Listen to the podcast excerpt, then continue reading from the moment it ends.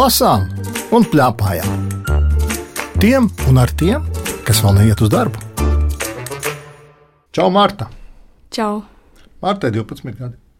Es esmu Lauris, un šodien mēs ar Martu runāsim par diviem romāniem. Abas šīs grāmatas saucās romāni. Pirmās grāmatas nosaukums ir M plus A, un apakšā rakstīts skolas vecuma romāns.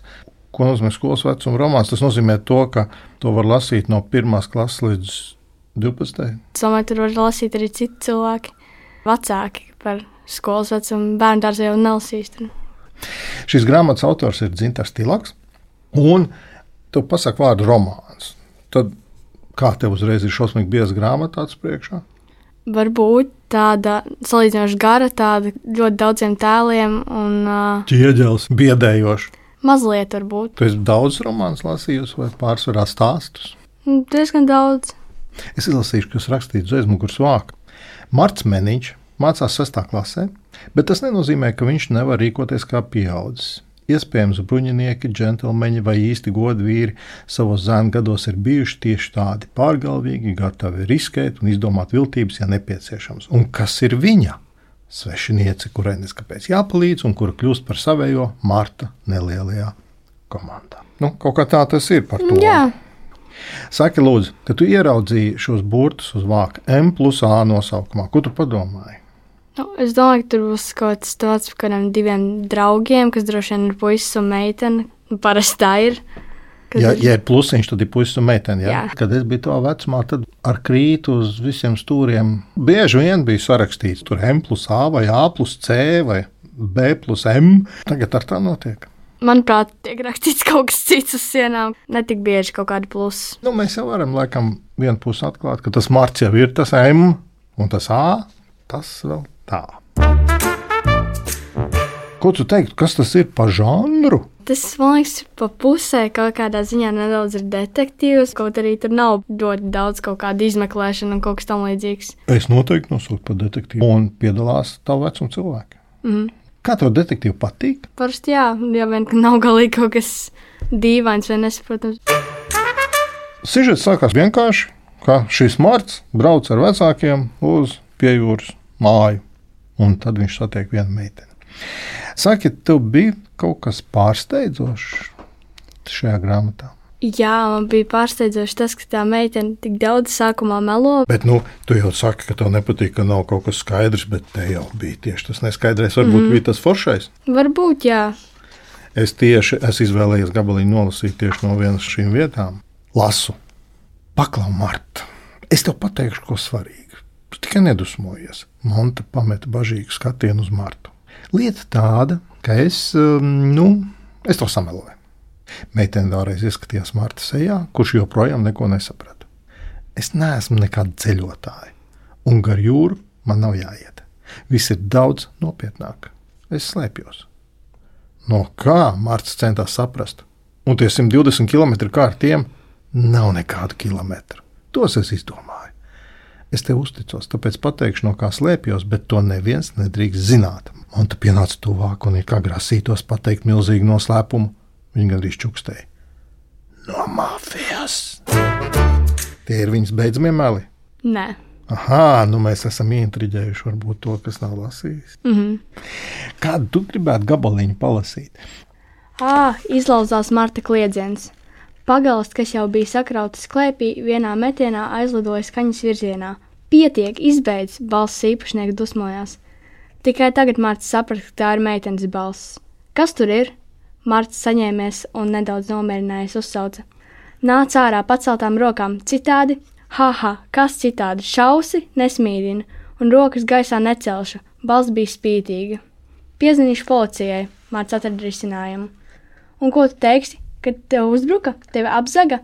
To pat nevienu neesi redzējis, tikai dzirdējis, dīvaini. Aizslēgšu durvis un pateikšu vecākiem. Nabadziņš skries uzreiz sūdzēties vecākiem par to, ka kāda nezināma balss tev pēkšņi uzrunāja. Labi, beidzam, es nāku ārā, tikai nemētājies ar pagalēm. Tu šo gabaliņu nolasīji, tāpēc, ka tu vari labi iedomāties, kā tas tur viss notika. Jā, tā kā tas ir tas sākums, kur tā kā Tas vēl ir pirms tam, Jā, ko es lasīju. jā. Vēl pirms melošanas. Mm. -hmm. Daudzkārtēji. Jā. Vai cilvēki šajā stāstā tiešām runā tā, kā viņi runā dzīvē? Un Es- tava vecuma jā. cilvēki tāpat runā. Es domāju, ka tur ir kā, diezgan dabiski, bet es domāju, ka nu, mūsdienās varbūt tur arī vēl drusku trakāk mēs varētu runāt. Kā tu raksturotu trakāku runāšanu? Tur varētu būt kliēkšana un kaut kādi varbūt pat lamu vārdi vai kaut kas tāds. Mm -hmm. Diemžēl, Tu dzirdi bieži, kad nu, tiek lamu vārdi lietot. jā. Tu pierodi pie tiem, vai visu laiku saki, beidz, beidz, nerunā tā. Ja cilvēks saka, lamu vārds nav jau baigi, tad nesaka, un tam viņš neteiks. Nē, viņš teiks.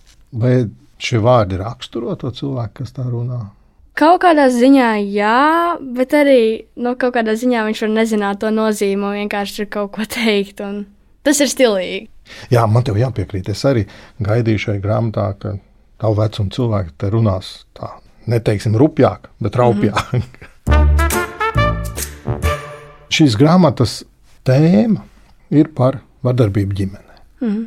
Un man šķita ļoti interesanti ir tas, ka tā meitenei bija problēmas. Un uh, viss šis stāsts ir balstīts tieši uz šo problēmas risinājumu. Bet bija labi parādīts tas, ka Marts nespēja iedomāties, ko nozīmē vardarbība ģimenē, jo viņa paša ģimenē tā nenotiek. Kā tu redzi to? Nu, es saprotu, ka manā ģimenē tas nenotiek.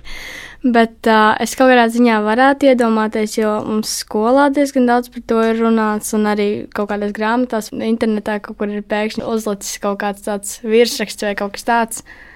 Un tas ir diezgan traki vispār. Jā. Bet tu pazīsti kādu konkrētu cilvēku, kuram ir tāda problēma, tavu vecumu cilvēku. Nē, Un tad ir stāsts par to, kā mēs no šīs teorijas, kā viņi tiek līdz konkrētām lietām. Kā tev šis detektīvs stāsts, kādā veidā viņi rīkojās? Kā tev patīk tas stāsts, tu sekoji? Jā, diezgan tur bija drusku, manuprāt, salīdzinoši nedaudz nereāli. Drusku varbūt tā kā nav tik dažas lietas to īstenībā, jo tik salīdzinoši vienkārši tas var, protams, arī nenokārtoties. Nu, tur bērniem nav tik viegli to izdarīt, to, ko viņi izdarīja. Ko tu būtu darījusi šajā situācijā? Ja tev pēkšņi viena meitene uzrastos šķūnī un teikt, zini, man ir tādas problēmas, ko tu viņai ieteiktu darīt? Vai tu darītu to pašu, ko Mārcis ar tiem draugiem? Man liekas, priekš manis tas ir drusku par riskantu. Es kaut kādā veidā tomēr izdarīju tā, lai tas būtu kaut kā nu, ar pieaugušiem saistīts, ka, tu, tā, ka tev pašam nav baigais risks un ka tā meitenei nav tik liels risks. Es uh, arī gaidīju visu laiku, ka tiks iesaistīti vecāki, bet viņi neiesaistījās. Pareizāk viņus neiesaistīja. Un, uh, man šķita, ka būtu forši, ka tie vecāki tomēr kaut kā risinātu arī to problēmu. Un mēs neatrisinātu tikai vienu gadījumu, bet mēs runātu Jā. varbūt plašāk. Kā tev šķiet, ir grāmatās tavu vecumu cilvēkiem jāraksta par šīm tēmām, kas nav tādas patīkamākas? Es domāju, ka jā, jo ir droši vien bērni, kas vispār nezina, ka tādas lietas var notikt. Vai arī tu esi gatavs rīkoties? Jā, Tas laikam lika domāt, lasot šo grāmatu. jā. Man ļoti interesē, ko mamma šai sakarā teiks. Man šī grāmata likās labāka nekā es gaidīju. Man patika. Bet es uh, būtu gribējis, lai bērni runā tomēr mazliet vairāk tajā bērnu žargonā. Un arī, nu, teiksim, ja tu slēpies tajā šķūnī, nu, tur vajag baigo dušu. Un ja tāda meitene, kas slēpjas šķūnī ar lielu dušu, kuru tomēr izgājis cauri tādai trakai pieredzēji savā mājās, es domāju, ka viņa noteikti būtu nu, tā kā pepīga arzeķa, bet mūsdienu variantā un nu, ar daudz pipariem. Tad... Man tā šķiet. Bērniem ir jāredz reāli bērni. Nu, kas gan cits? Protams, ka t- literatūra jau prasa savu, un, un laba valoda prasa savu, bet eh, bērniem, lai viņi varētu pieslēgties, un man liekas, ja mēs vecāku kontekstā runājam, tad tad vēl jau labāk būtu, ja tā valoda būtu tuvāka tai īstenībai, jo tad vecāki varētu izlasīt, kā viņu bērni runā. Jo mājās jau viņi tā nerunā, kā viņi runā skolā, man tā šķiet.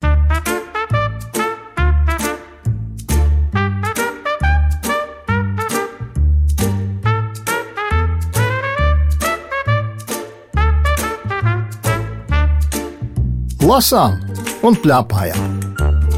Tiem un ar tiem, kas vēl neiet uz darbu. Ar Mārtu runājam par otru grāmatu. Otrās grāmatas nosaukums - Klau, aizbrauksim uz Unalašku. Kad tu ieraudzīji šo grāmatas nosaukumu, ko tu padomāji? Es īsti neko nesapratu, kas tur notiks. Es domāju, ka vajadzēs vienkārši sākt lasīt, un tad es kaut ko sapratīšu. Mēs tagad zinām, kas ir Unalaška ar tevi. Jā, Un es varu nolasīt no grāmatas, kas ir Unalaška. Unalaška ir Aļaskas pilsētiņa, ko nejauši atrada Google kartēs. Lielākā daļa unalaškiešu dzīvo Amaknakas salā. Tā ir maza mazītiņa, bet ar iedzīvotāju ir tik maz, ka viņiem tur vietas vēl pietiek. No pilsētas uz salu var tikt par tiltu, kas ierīkots virs Dutch Harbor. Wikipēdijā izlasīja, ka šo nosaukumu izgudrojuši krievu matroši. Viņi domāja, ka pirms viņiem jau tur pabijuši holandieši. Tulkojumā no angļu valodas Dutch Harbor nozīmē holandiešu osta. Taču viņi kļūdījās. Īstenībā Uralašku 1741. gadā atklāja Bērings. Un tagad klausītājiem, kas mūs tagad klausās, laikam ir tāds priekšstats, ka tas būs par geogrāfiju, par ceļošanu. Ko tu saki? manuprāt, tas nav gluži par geogrāfiju. Tas, manuprāt, ir vairāk par to, kā attīstās tam puikam dzīve un kā varbūt kaut kādas lietas, kas viņam ir diezgan varbūt vispār bēdīgas, bet ir kaut kādas lietas, kas ir kaut kādās vietās drusku arī, nezinu, smieklīgas un jautras. Un, jā. Laikam trijos vārdos jāpasaka, ka šeit galvenais varonis ir viens zēns. Mhm. Un viņa mamma, laikam, ir tā otra varona, vecā mamma. Un šis zēns meklē savu veco tēvu. Vai tu pamani? Atkal detektīvs. jā, Man jāsaka, ka šī grāmata ir tas īpašais gadījums, ka tu lasi un tu nepamani, ka īstenībā šis ir detektīvs. Jo svarīgāks ir kas cits. Kas tev šķiet svarīgs šajā grāmatā? man tas šķiet svarīgs, tas, ka puikam bija izšķirušies vecāki, bet abi vecāki viņu ļoti mīlēja. Un uh, bija man ļoti svarīgi tas, ka tas puika nepadevās un mēģināja atrast to savu vecāku. Kaut arī viņam viss teica, ka viņa nav bijis un nekad nebūs, bet viņš tāpat mēģināja. Jā, man šķiet, ka tagad, kad Marta izstāsta šo, man liekas, bet tik maz vēl ir pateikts par šo grāmatu. Man šķiet, ka tev vēl tik daudz var pateikt. Ko vēl? Kādu gabaliņu tu izlasītu no tās grāmatas? Es izlasītu par tiem vārdiem viņu. Vecmāmiņa dzīvo netālu, un mūs visus sauc līdzīgi. Vecmāmiņa ir Marta, māma Marika, bet es esmu Marks. Reiz jautāju mammai, kā tu man nosaukt, ja es būtu meitene? Es jau no paša sākuma zināju, ka tu būsi puika. Ja nu tu būtu kļūdījusies, nu, ja es būtu kļūdījusies, tad laikam par Marietu. Labi, ka viņa nekļūdījās. Tiesa īstajā vārdā mani reti kāds sauc lielākoties, kad slikti uzvedos mājās, esmu Markovkins. Māma saka, ka šis vārds man esot pielips jau zīdaiņa vecumā, tāpēc, ka solīdais Marks mazajam vistoklītim galīgi nav piestāvējis. Bet tu zini, kas ir Markovkins tulkojumā no krievu valodas? Nē, Viņš ir burkāniņš. Šīs grāmatas autore ir krievu autore Anna Krasīšķika, un to ir zīmējusi Darija Denisēviča. Jā, tik tiešām romāns, un es saku zīmējusi. Kā tev šķita, vai romānā šādi zīmējumi tas ir forši? es domāju, ka jā, bet uh, kaut kā es, protams, vairāk koncentrējos uz to lasīšanu, bet kaut kad ir forši, ka tu redzi kaut kādus, kas tur attēls, kas varbūt kaut ko paskaidro. Man tiešām kaut kādu noskaņu radīja šie attēli. Man ļoti patika šī grāmata, es atzīšos. Man zina, kāpēc patika. Ne tikai tas, ka šis ir tāds viena cilvēka skatījums uz dzīvi un, un ļoti godīgs skatījums. Kā ir šajā grāmatā, te, man liekas, raupjuma nepietrūka. Jā, Un kāpēc vēl man patīk šis romāns? Tāpēc, ka man par daudz ko bija jādomā. Viena lieta, ko es tam nolasīšu, kas man šķita, oh, par to ir vērts domāt. Māma iedeva man papīra lapu un pildspalvu un palūdza uzrakstīt visas lietas, kas man pie vecmāmiņas patīk. Dīvainā kārtā to nebija tik maz, un tagad ir uzskaitījums. Gultas veļa, kas čaukstēja un jauks maržoja krūzītes ar apakštasītēm, uz kurām uzzīmēta oranži gailīši. Vecais paklājs ar nesaprotamiem rakstiem, kuros var saskatīt smieklīgus briesmonīšus, ābolu, kompots, milzīga kārba ar stikla krellītēm, lejerkaste, biezas grāmatas angļu valodā. fotografija, kas stāvēja stikla vecmāmiņas grāmatplauktā. Saki, lūdzu, tu neiedomājies, jā, ja man būtu jāuzraksta, nu, teiksim, par vecmāmiņu, vai es varētu sarakstīt, vai es zinātu, ko rakstīt šajā sarakstā? Nu, es nezinu, cik man vajadzētu nenormāli daudz lapas, lai uzrakstītu nopietni. Es sev laikam pieķeru pie tā, ka jā, man vecmāmiņa patīk, bet es nevienmēr zinu, kas tieši man patīk vecmāmiņā, un ir vērts par to varbūt kādreiz padomāt. Šo grāmatu lasot, droši vien mēs varam par daudz ko vēl padomāt.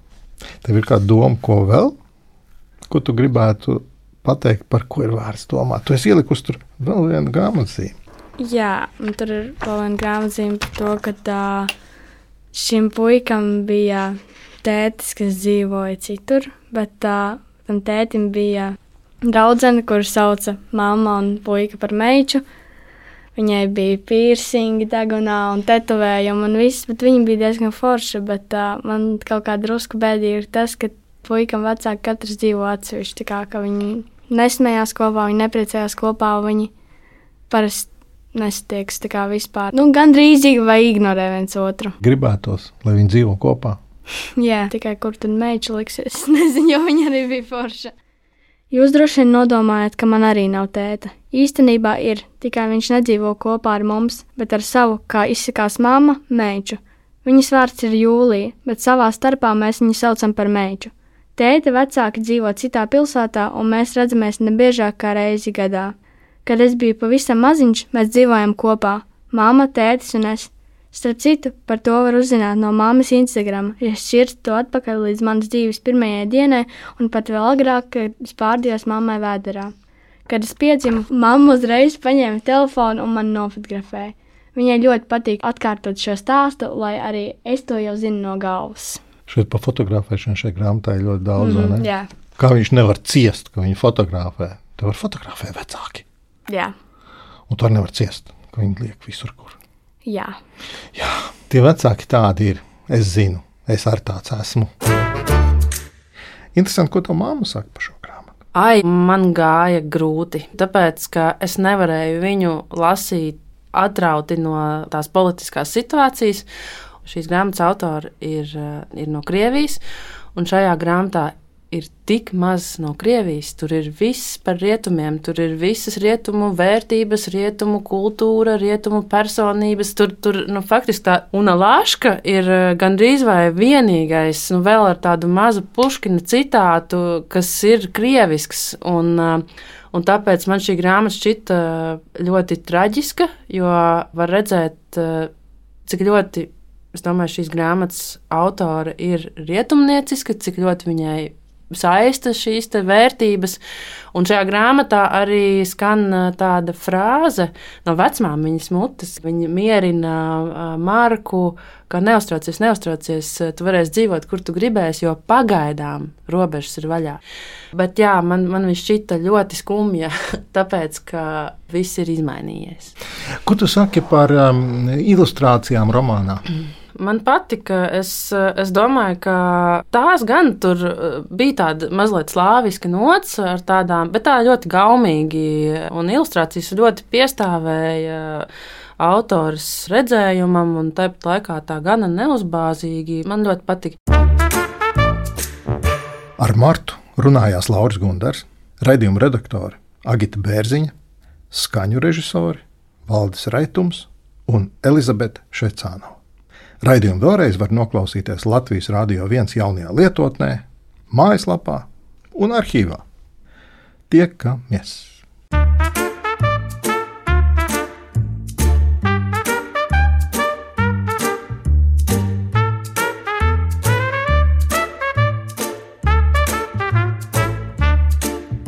Lasām un plēpājām. Tiem un ar tiem, kas vēl neiet uz darbu.